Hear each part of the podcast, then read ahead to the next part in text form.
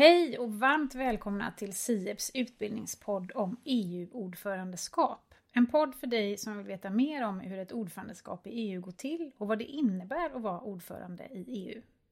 Jag heter Karin Flordal och är utbildningsansvarig på SIEPS, det vill säga Svenska institutet för Europapolitiska studier, som är en av Sveriges myndigheter. Utöver att ta fram forskningsbaserade analyser av aktuell EU-politik för beslutsfattare på olika nivåer i Sverige så har vi också ett uppdrag att ta fram relevanta EU-utbildningar. Som ett led i det här uppdraget så har vi dragit igång en utbildningspodd med anledning av att just Sverige ska vara ordförande i EU under våren 2023. I tidigare avsnitt så har vi pratat om vad ett ordförandeskap faktiskt innebär och vi har också pratat om vad det innebär för Sverige och den svenska regeringen. Idag ska vi prata om vilka möjligheter ett ordförandeskap har att påverka EUs dagordning. Och vi har förstås med oss en gäst. Varmt välkommen Mats Engström. Tack så mycket. Du är analytiker med inriktning på miljö och näringspolitik, också på SIEPS. Kul att ha dig här. Det ska bli roligt att prata om de här frågorna. Ja. Eh, du har ju skrivit en rapport om, om just det här som jag vill prata om idag, hur roterande EU-ordförandeskap kan påverka dagordningen. Och då utifrån exemplet miljö och det skulle jag gärna vilja att vi fördjupar oss i alldeles strax. Men först skulle jag vilja ställa en fråga till dig som jag har ställt till alla gäster hittills. Och det handlar om de två tidigare ordförandeskapen. Har du några särskilda minnen av dem när de var då 2001 och 2009? Vad gjorde du till exempel under de här perioderna? Under det första ordförandeskapet så var jag politisk sakkunnig åt eh, Anna Lind som var utrikesminister då. Så att eh, jag minns till exempel genombrottet i förhandlingarna om EUs utvidgning i maj och juni 2001. Många kommer kanske ihåg det här toppmötet i Göteborg 2001 mest för de kravaller som var på gatorna. Men det var ju också ett historiskt ögonblick faktiskt eh, för EU när man lyckades öppna dörren för det som sen blev tio nya medlemsländer 2004. Mm, häftigt. Ja, jag var ju själv student i Göteborg då 2001 så jag minns allt som hände där i, i stan om det, det där halvåret. Eller inte allt, men en hel del i alla fall. Och 2009 då, vad gjorde du då? Då jobbade jag som ehm, eh, skribent, eh, oberoende eh, journalist och bloggare egentligen kan man väl säga. Så det följde jag utifrån och skrev om det ordförandeskapet. Och det var ju spännande på många sätt, både för att Sverige ledde EU då i en tid när eh, fördraget ändrades. Vi har kanske kommer in på det och ni har kanske pratat om det tidigare i den här podden. Men då hade ju, blev det ju en permanent ordförande för EUs eh, både eh, Europeiska rådet, toppmötena och för utrikesministrarna och så. Och det där var ju, var ju Sverige med i liksom tillsättandet av de här posterna och övergången till det. Men också för det stora klimatmötet som var i Köpenhamn då i december 2009 som Sverige hade en viktig roll med. Mm. Kul att du tar upp det här med, med vad Lissabonfördraget innebar för förändringar just när det gäller Europeiska rådet och hur ordförandeskapen ser ut. För det var, handlar min första fråga om. Och då kopplat till det jag vill prata om idag, hur man påverkar agendan för EU. Skulle du säga, eller hur skulle du säga att de här förändrade förutsättningarna i och med Lissabonfördraget, har det påverkat också eh, medlemsstaternas möjligheter att påverka dagordningen när de är ordförande? Ja, visst har det gjort det och, och det finns rätt mycket forskning på det här området också som jag skriver om i den här rapporten som du nämnde. Innan dess kunde ju till exempel Sverige leda både toppmöten och utrikesministrars möten och, och, ha en större betydelse i de sammanhangen. Och det fungerar inte på samma sätt idag när man har permanenta ordföranden. Men däremot så är det väldigt mycket som finns kvar i, eh, för det roterande ordförandeskapet som Sverige då kommer att ha eh, här 2023. Och det är alla de här olika, som man brukar säga, sektorsråden, alltså allt ifrån transporter, ekonomi, miljö, jordbruk. Till, det är väldigt många sådana här sektorsråd där fortfarande eh, man har ett stort inflytande och kan bidra till att sätta dagordningen. Just det. Bara för att förtydliga för, för de som lyssnar så har vi pratat om det i tidigare avsnitt att tidigare då innan Lissabonfördraget då var det ju statsministrarna, alltså Göran Persson 2001 och Fredrik Reinfeldt 2009 som liksom ledde alla stats och regeringschefer i Europeiska rådet och på det viset också kunde vara med och, och sätta agendan. Men nu då i och med Lissabonfördraget så har vi en, en permanent ordförande för det gänget och så är det just de här ministerrådskonstellationerna som du är inne på nu. Där det, det kommer vara svenska ministrar som är ordföringar helt enkelt. Så då blir det det som är fokus den här gången.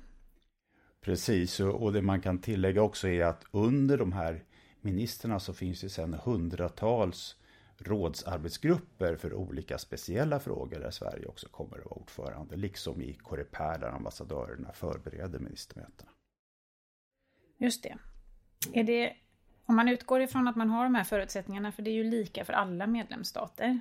Är det, är det olika beroende på hur stort, om man är en liten eller ett medelstor eller en, en stor medlemsstat? Har man olika förutsättningar på det sättet också?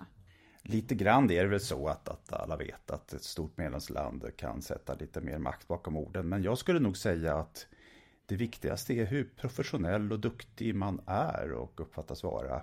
Eh, ett eh, stort eh, land kan också ha en nackdel i att de blir lite för eh, ett ordförandeskap ska ju vara i hela EUs intresse som jag tror kanske ni har pratat om tidigare i den här potten. Och, och är man ett väldigt stort land och de andra länderna tycker att man driver sina egna frågor då kan man få rätt starka motreaktioner medan ett medelstort eller rätt litet land eh, som är professionellt och jobbar för allas intresse kan däremot ha, ha ett stort förtroende. Så det behöver inte vara så att stor har större, större inflytande. Det beror nog ännu mer på hur man arbetar. Mm. Om vi nu då ska röra på den här brännande frågan, kan man eh, påverka innehållet på EUs dagordning? Går det liksom att sätta en nationell prägel? Ja, min rapport säger att man kan göra det, men det finns några förutsättningar för det och det ena är då att man verkligen lever upp till detta med att hela ordförandeskapet sköts bra. Väldigt mycket ordförandeskapet handlar som sagt om att föra den gemensamma dagordningen framåt. Så att de andra regeringarna måste ju uppfatta att man, man jobbar för hela EU. Men om man inom den ramen har vissa frågor som man lägger lite extra tyngd på eller att man tar upp någon fråga på de informella rådsmötena som ju finns då under ett ordförandeskap också eh, och som ordförandelandet har större inflytande över då, då, det brukar länder ofta göra och, och, gör man det på ett bra sätt så kan man sätta en nationell prägel. Mm. Kan du ge några exempel på, på länder som har jobbat framgångsrikt på det sättet? Ja, ett, jag har tittat särskilt på Finlands och Tysklands ordförandeskap. Finland var ordförande hösten 2019 och de tog upp eh, på miljöområdet då det man brukar kalla cirkulär ekonomi, alltså bland annat återvinning av avfall så att det blir nya nyttiga saker och så. Det tog de upp på sitt informella rådsmöte i början av ordförandeskapet i juli och så fick de fram rådsslutsatser då i, i slutet av sitt ordförandeskap som bidrog till att EU och EU-kommissionen kunde jobba vidare med detta. Det är ett sådant exempel. Och då, och då hade ändå, om jag bara får lägga in en passus, Finland hade ju också precis som vi har nu var ett eh, riksdagsval precis innan de klev på. Visst var det så? Absolut, och det finns mycket saker att lära av Finland som eh, hade förberett sig väl också på tjänstepersonsnivå före det här valet som du nämner och med en ny regering som tillträdde precis innan de blev ordförande så man kanske kan säga lite att den regeringen kom till ett eh, sorts dukat bord där saker var förberedda. Men sen var det ändå så att, eh, att de nya ministrarna eh, tog upp några frågor på de här informella rådsmötena som, som de tyckte att de så här, politiskt ville prioritera. Till exempel så tryckte de lite mer på klimatfrågan om jag minns rätt. Mm. Och du har i din rapport kikat på Tyskland också, eller hur? Ja, och Tyskland är intressant på flera sätt. Eh, dels hade de en process före ordförandeskapet där de, de hade gått igenom och visste att de skulle ta hand om en massa saker som redan fanns på bordet och sköta det väl. Men så bestämde de sig att vi kan ta upp en fråga inom miljöministrarnas område. Och så gick de ut till, till eh, sitt departement och sin miljömyndighet och bad om tankar om det och fick en massa tankar. Men sen valde de en hård prioritering att ta upp eh, digitaliseringens effekter på miljön. Både att man kan lösa miljöproblem delvis genom digitalisering men också att användningen av stora serverhallar skapar eh, utsläpp genom energiförbrukning och så. Så det där prioriterade de och fick fram slutsatser om. Så det var liksom en rätt ny fråga de lyckades lyfta fram. Men det är också ett annat sätt de påverkar dagordningen som jag tycker är lite intressant också nu när vi tänker på eh, nästa halvår här när Sverige är ordförande. Och det är det att Tyskland var ordförande när pandemin slog till. Så de hade gjort en omfattande planering och sen kom pandemin i början av 2020 och eh, det där blev ju en väldig förändring. Eh, och vad de gjorde då på miljöområdet, de gjorde massa annat såklart kring pandemin, men, men det var att de, de bidrog då till att den här EUs sätt att hantera ekonomis, ekonomin också handlade om att eh, skydda miljön så att säga. Så att de agerade i en kris på ett sätt som påverkar dagordningen. Och det kan man ju också tänka, det är oroliga tider nu också, att Sverige kan ju få en roll nästa halvår när det händer oförutsedda saker mm. där vi kan påverka dagordningen. Mm. Och det här med att vara förberedd på det oförutsedda, det verkar vara någonting som, det tycker jag att man hör väldigt mycket nu. Att det har nästan varje ordförandeskap råkat ut för, eller vad man ska säga. Ja, och då kan man ju fråga ju också tyskarna, hur gjorde ni då för att ha liksom framgångsfaktorerna för mm. det? Och förutom att man behöver ha liksom förstås personal, eh, institutionell kapacitet kan man ju säga med ett finare ord också, men deras svar var egentligen ett gott humör, att man måste hantera, man får liksom psykologiskt leva med att man gör en planering och sen kommer den inte att hålla. Men det är bra att man har en planering i alla fall. Ja. Men sen får man liksom mentalt hantera det med gott humör, att nu får vi göra på ett annat sätt. Mm. Men du, nu är det ju lite andra förutsättningar inför det, det svenska ordförandeskapet som ska bli nu, men om man ändå kikar tillbaka så kan det ju vara bra att ha lite goda erfarenheter med sig. Eh, kan man säga någonting om, har, har Sverige lyckats med att driva någonting på dagordningen i de tidigare ordförandeskapen? Tittar man på miljöområdet igen då, som är liksom fallstudien för den här rapporten som som jag skrev förra året så är kemikalieområdet ett sånt där Sverige ända sedan vi blev medlemmar egentligen har agerat för att EU ska ha tuffare regler mot farliga ämnen. Och där tog Sverige initiativ eh, 98 till en ny kemikaliepolitik som sen blev då beslut under ordförandeskapet 2001. Eh, och det är också en intressant fråga för där har ju Sverige också långsiktigt jobbat med det även inför det här ordförandeskapet eh, kan man säga med en ny kemikaliestrategi och lagändringar på gång. Sen kan man titta utanför utanför just miljöområdet så har ju Sverige också påverkat eh, eh till exempel arbetet för att förebygga väpnade konflikter, att EU har blivit bättre på det.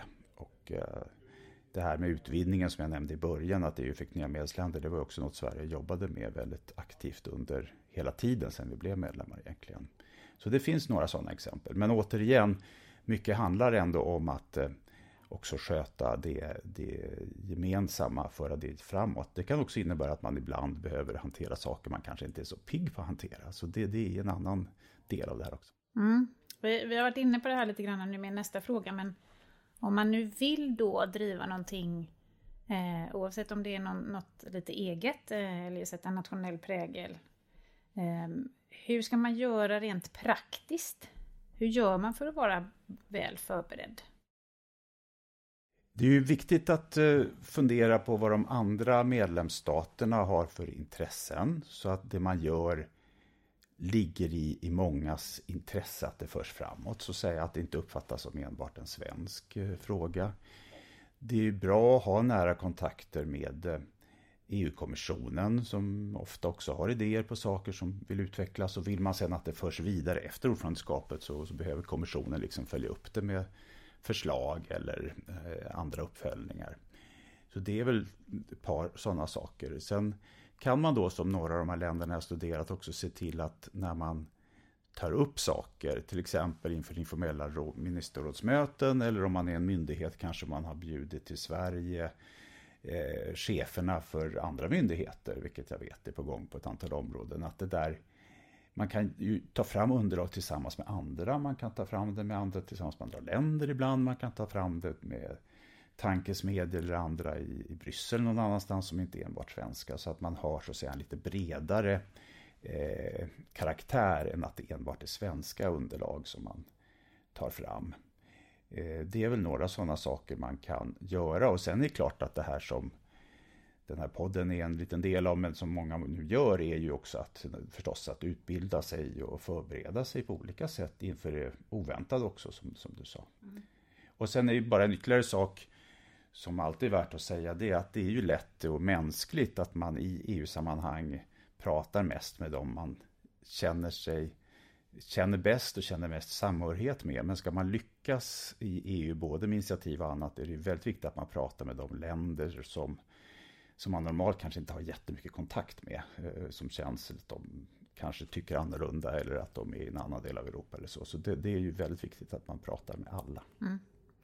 Och då när man pratar med alla och förbereder sig så tycker jag att någonting som varit genomgående också när jag, både när jag har läst din rapport igen men också i andra samtal vi har haft här i podden, det är ju just att det här med förberedelsetid, den har ju börjat ganska långt tillbaka och det verkar alla ordförandeländer göra. Man börjar flera år innan man ska eh, träda på, inte minst för att man ska ha det här TRIO-programmet som ska vara klart ett och ett halvt år innan man ska ha sitt eget ordförandeskap och det hinner ju hända mycket under det året. Men, men du nämnde själv också det här med utvidgningen och att det hade ni, Anna Lind lanserat redan då 98 och det är ju ganska många år sedan innan utvidgningen väl skedde.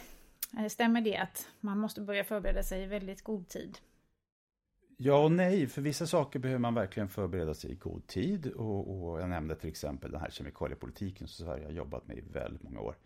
Men nu har vi ju bara några månader kvar till ordförandeskapet så samtidigt vill jag säga att det finns ju fortfarande möjlighet, även om man inte har kanske gjort jättemycket förberedelser, att fortfarande påverka den här dagordningen. Mm.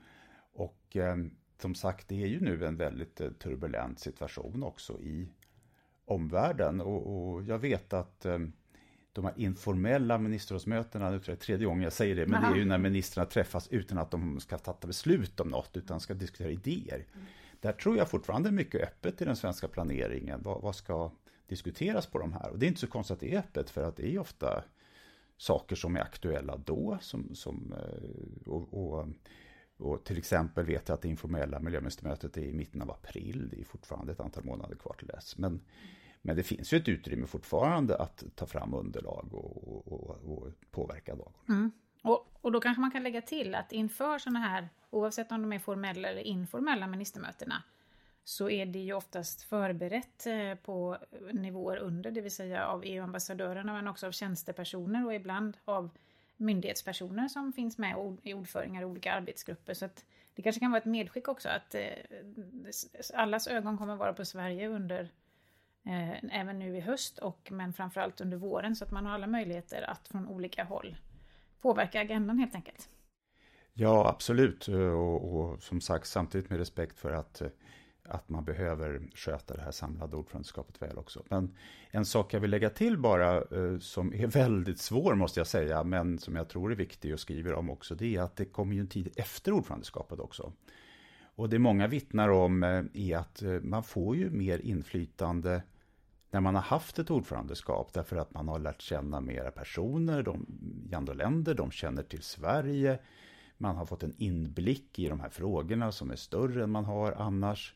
Så att orka med sen att fortsätta de här initiativen när man inte är ordförande på olika sätt, det är nog ett väldigt viktigt sätt om man vill ha inflytande på EUs dagordning. Men då måste man orka med det efter ett mm. rätt ansträngande ordförandeskap och kanske planera lite för den tiden också. Ja, man får pusta ut lite och sen ta tag i det igen. Ja, lite semester måste man ju få. Ja, men precis.